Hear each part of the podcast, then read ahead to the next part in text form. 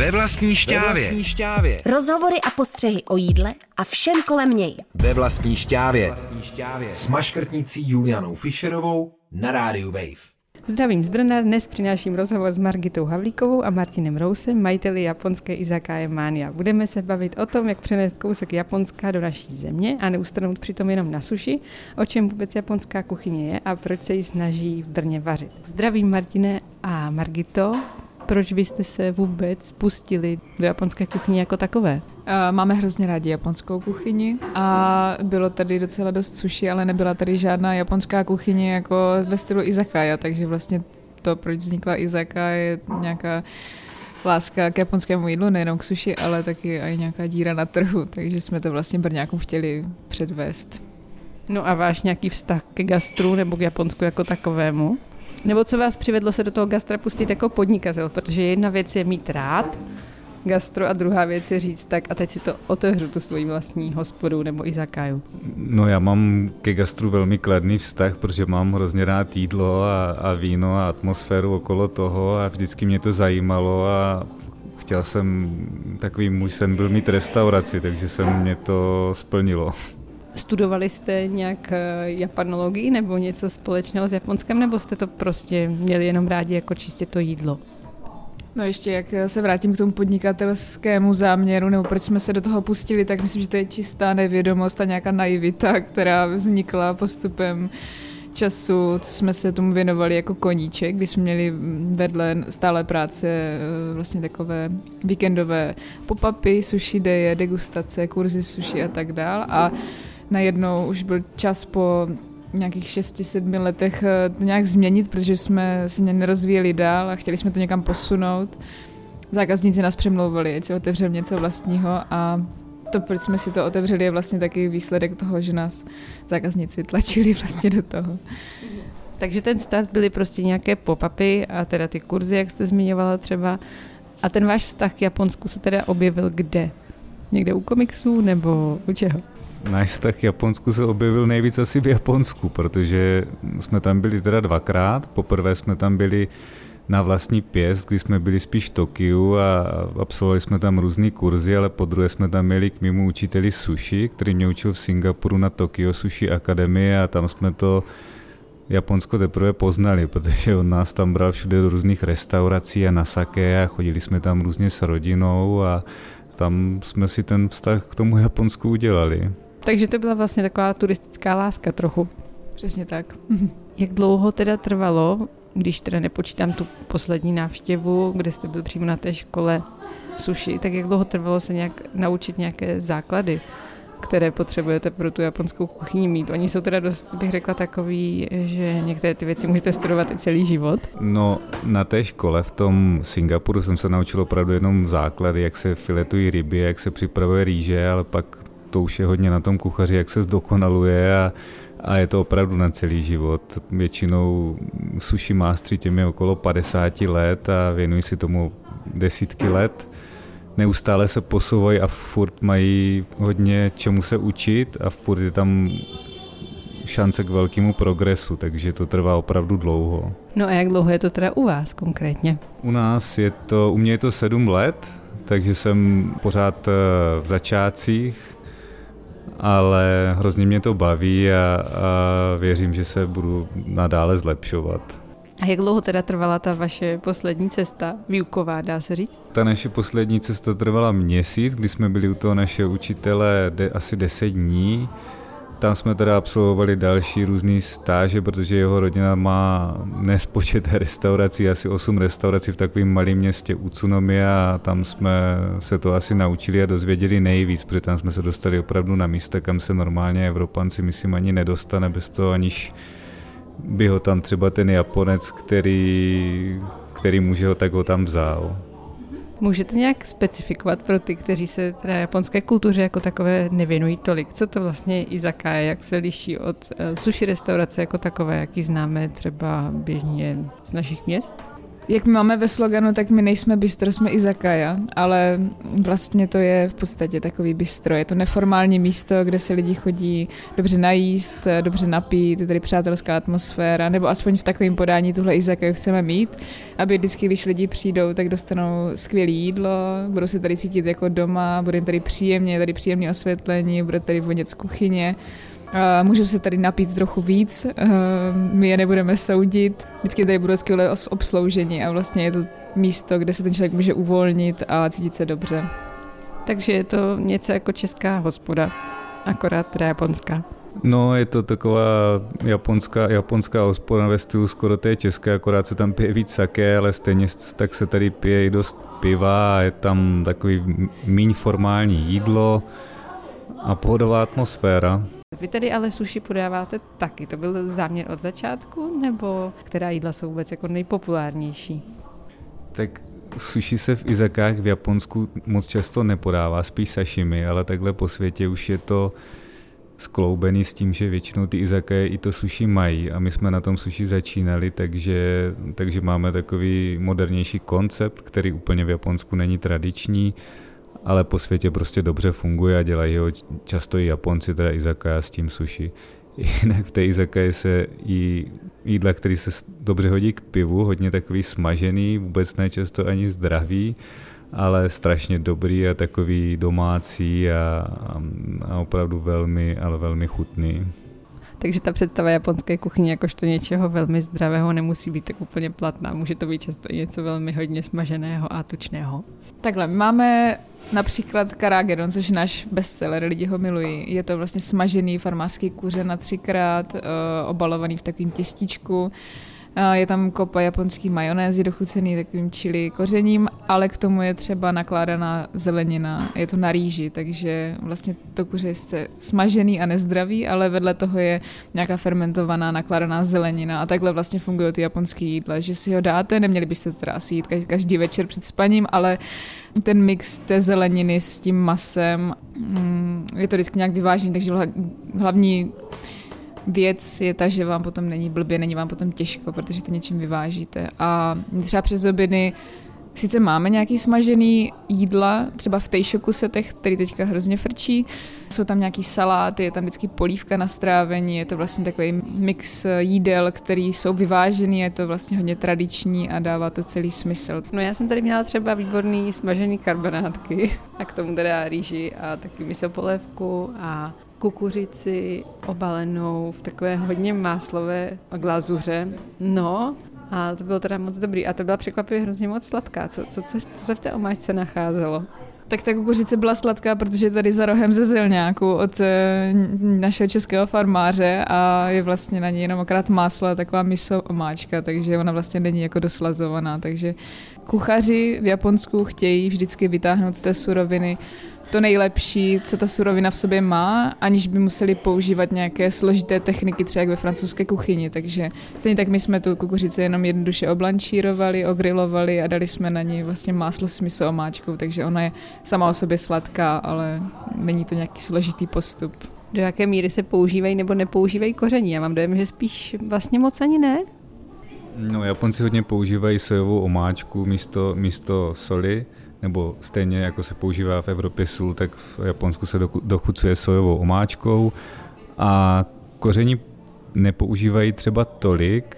Vlastně většina japonských omáček je založená na třech věcech a to je sojovka, pak je to sake a pak je to mirin, to je takové zase rýžové sladké víno na vaření, ale koření se tam tolik nepoužívá, to je pravda. Takže je to kontrast těchto tří chutí často? Jako kyselá, sladká, hodně teda té sojové umami? No, ano, je to vlastně ne kontrast jenom těch chutí, ale spíš poměr těch chutí, že na různé omáčky se používá různý poměr podle toho, jak jsou pak sladký, zredukovaný a tak dále, ale samozřejmě i v Japonsku jsou koření, které se používají. Třeba v izakách se hodně používá togarashi, což je takový pálivý koření, který je vždycky na stole a Japonci potom ještě ty jídla třeba dochucují podle vlastní chuti. A co jsou ty vaše největší hity tady konkrétně? Co musí vlastně být na lístku, nebo co je ten signature dish? Je to katsusando, nebo jsou to ty knedlíčky? A my těch bestsellerů máme teda, jak jste právě řekla, asi čtyři.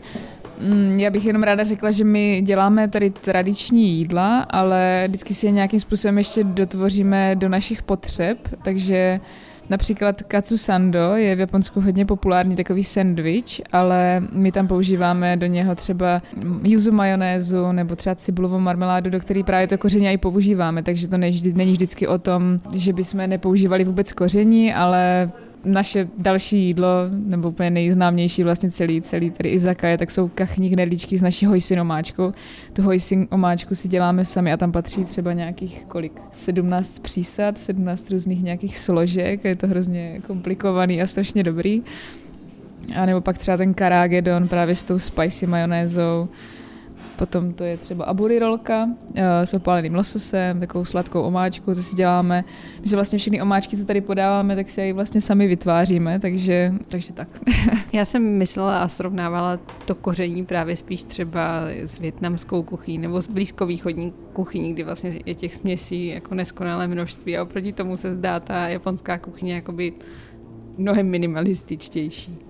To jsem se ještě chtěla zeptat, jaký poměr je japonští versus místní hosté, protože jenom během toho oběda, co jsem tady strávila teď já, tak se mi zdálo, že je to tak možná jedna ku dvěma nebo něco podobného.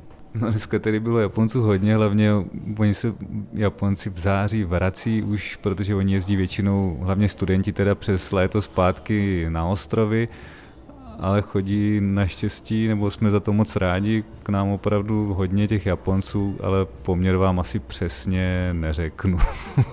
A neobjevily se nějaké výtky ohledně toho, že nějaké to je tak strašně špatně připravené, že to uráží národní identitu nebo něco podobného? No přímo takhle na ostro asi ne, ale většinou Japonci, když přijdou po druhé, tak je to dobrý znamení, protože oni většinou, když se jim něco nelíbí, tak už nepřijdou a, a dávají nám teda zpětnou vazbu a pomohli nám určitě některé věci zlepšit. Co bylo třeba něco, co se povedlo zlepšit? Ne, že by nám úplně zhodili jídlo, ale spíš sem chodí třeba takový postarší pán, vlastně Japonka s Čechem, kteří jsou hrozně nadšení, že vytváříme něco autentického a že jim chutná a spíš nás pořád uh, pušují do toho, že to děláme pořád líp a líp a líp, ať se nikdy jako nevzdáme tady té kvality a toho nadšení do toho, že by to vlastně byla hrozná škoda, takže spíš asi tak. Martine Margito, já se chci zeptat ještě jednou na ten katsu sandwich, který jsme teď před chvilkou zmiňovali. Jak moc se liší od našeho třeba eh, řízku v chlebu? Protože ono, když si to třeba dáte do vyhledávače, tak eh, víceméně takovýhle nějaký obrázek vám vyleze. No, náš sando sandwich se liší v tom, že to maso se úplně rozplývá, protože ho děláme strašně dlouho v sůvíčku a pak ho z osmažíme v takové panko strouhance, která má takový dlouhý jehličky, takže když se usmaží, tak se ta strouhanka nenasákne tolik tukem a proto to maso fakt je jak máslo, prostě se neskutečně rozplývá. No a pak tam máme takový speciální naše omáčky, které si sami děláme a, a tousták, který je dělaný v misomáslu, takže celkově ta kombinace je úplně jinde, je to takový trošku dalo by se říct řízek v chlebu, ale úplně na, jin, na jiným levelu. Já, jestli si dobře vybavuju teda ty kacu sandviče, které jsem dosud měla, tak ty se vyznačovaly tím, že taky ten chleba byl vlastně trošku zvláštní. Ten toustový vlastně chleba byl takový úplně super velejemný obláček. Ten si pečete sami nebo ho někdo pro vás peče tak, aby vyhovoval požadavkům? Tak ten sandwich, ten tousták pro nás peče pekařství křížák, který nám vyhovuje a ten tousták, jakmile jsme ho zkusili, tak nám úplně skvěle k tomu kacu sandu sandviči sedl, takže s tím jsme spokojeni. Ten si neděláme, na to nemám úplně už v té kuchyni kapacity, máme, my tu Izakoju máme fakt malou a i ta kuchyně je malinká, takže to už bychom asi nedali. A teda to maso je vepřové, které se teda peče, nebo vlastně vaří v suvídu kolik hodin? To maso děláme v suvíčku asi 12 hodin a je to vepřové, teda je to krkovice. Bereme na to od eh, našeho, nebo od našeho oblíbeného řezníka. Co by si mohl člověk zkusit uvařit doma, aby si vyzkoušel takové nějaké autentické japonské jídlo, které ale není sushi? Protože na sushi a na sushi kurzy najde vlastně spoustu inspirace a na ten zbytek, tak to tady vlastně našinci moc neznají. Já si myslím, že jsme národ knedlíčků, že milujeme vlastně knedlíčky, teďka se tady otevřely různý knedlíčkárny a lidi to úplně milují a to je i důvod možná, proč ty kachní knedlíčky nebo veškerý příchutě mají takový úspěch. Uh, myslím si, že klidně můžu začít právě těma gyozama, ale mm, jak asi všichni eh, lidé, posluchači, kteří eh, si doma vaří, tak ví, že zrovna knedlíčky jsou taková špinavá a docela mm, dlouhá, náročná práce, takže mm, vlastně ve výsledku to není až tak těžký, jenom prostě to člověk musí strávit ten čas a potom být ochotný a i celou tu kuchyni uklidit od škrobu mouky a tak dál, takže a nějaké jednodušší a trochu méně patlavé jídlo vás napadne? Nějaká jednoduchá směs rýží třeba? No určitě by si lidi měli vyzkoušet udělat vývar daši a následně z toho miso polívku. Ten vývar daši se teda dělá většinou z řasy kombu a potom eh, z hobliny katsuobushi, což je takový sušený tuňák, je to hrozně lehký vývar, který se teda dá hodně lehce i pokazit, ale určitě, když se podíváte na nějaký videa na YouTube od Japonců, tak to zvládnete a můžete si udělat jednoduchou miso polivku tím, že tam dáte třeba řasu wakame a tofu a, a tu miso pastu podle svých chutí a, a tím si můžete tak vlastně dát doma jednu z nejautentičtějších věcí, co si v Japonsku mm, vlastně lidi dávají každý den. Do jaké míry se vám daří zůstávat autentickými? Pomáhá tomu třeba někdo z Japonska v kuchyni? No, my se snažíme tu japonskou kuchyni fakt vzít z té autentické stránky, protože k nám chodí opravdu hodně japonských zákazníků a nejspíš se k nám taky přidá někdo přímo z ostrovu, už je to skoro na spadnutí, takže od podzimu už eh, se vydáme ještě autentičtější cestou. A kdyby se k nám chtěl někdo přidat a vařit tady třeba s náma i, i s lidma z Japonska a pomáhat nám vytvářet uh, mániu, tak budeme strašně moc rádi, když se nám ozvete třeba na e-mail nebo kamkoliv jinam. A surovinově nachází se nějaké problémy, eh, jak uzásobit Brno japonskými surovinami? No, v poslední době, teda v době post-covidové docela dost velký, protože se jednak třikrát, eh, někdy i čtyřikrát zdražila doprava. Je strašně moc výpadku, různé ty věci třeba ti dodavatelé nemají a je těžký na to spolíhat nebo si něco dát na meníčko ale nějak s tím bojujeme a dál si vozíme různé věci z Japonska, třeba řasunory a tak a prostě si za to musíme teď trošku připlatit a doufáme, že se to snad časem změní. a jak si vaříte vy sami doma? Vaříte si víc japonsky nebo česky? A my si poslední rok a půl nevaříme doma skoro vůbec, protože jsme tady skoro hlavou a i fyzicky 24-7, ale moc rádi navštěvujeme skvělé restaurace místní. Vy jste teda začínali v době covidu, vlastně původně jako okénko. Jak se teda proměnila postupně ta vaše nabídka? Ta nabídka se proměnila velmi zásadně, protože jsme měli nějaký nápad. Chtěli jsme tady vařit jídla, které uh, jsou určený k přímé spotřebě a vlastně přišel covid který teda všichni říkali, že už je pryč, ale už byl leden 2021 a on pořád nebyl pryč a bylo to ještě hrozný v tom, že byl strašný mráz a lidi museli být doma a museli jsme vlastně celý, celý ten koncept předělat na krabičkový jídla, takže všechny ty recepty, které jsme chtěli na menu dát, tak jsme museli zvážit, jestli jsou vůbec vhodné na jídlo sebou, protože třeba taková tempura, tak eh, to prostě musí být vydaná okamžitě, musí být snězená co nejdřív, protože když dáte do krabičky, tak eh, bude mm, nedobrá. ten, ten covid byl hrozný, ale vlastně i díky tomu mm, vzniklo spoustu tady bestsellerů, protože když se Martin dostane pod obrovský tlak, tak vymýšlí úplně skvělé věci. Takže vlastně ten karageron je v podstatě krabičkový nápad, protože to jídlo, který můžete dát do krabičky a dá se jíst i za hodinu, nebo třeba ten katsusando, který je dobrý pořád. Děkuji moc za rozhovor. V dnešním díle ve vlastní šťávě jsem si povídala s Margitou Havlíkovou a Martinem Rousem o japonské kuchyni v Brně. Celý díl si můžete stáhnout také v aplikaci Můj rozhlas.cz nebo poslechnout na stránkách Rádia Wave. Ve vlastní šťávě. Ve vlastní šťávě. To jsou rozhovory a postřehy o jídle a všem kolem něj. Ve vlastní šťávě. Ve vlastní šťávě. Přihlas se k odběru podcastu na wave.cz lomeno podcasty a poslouchej šťávu kdykoliv a kdekoliv. U plotny i ve špajzu.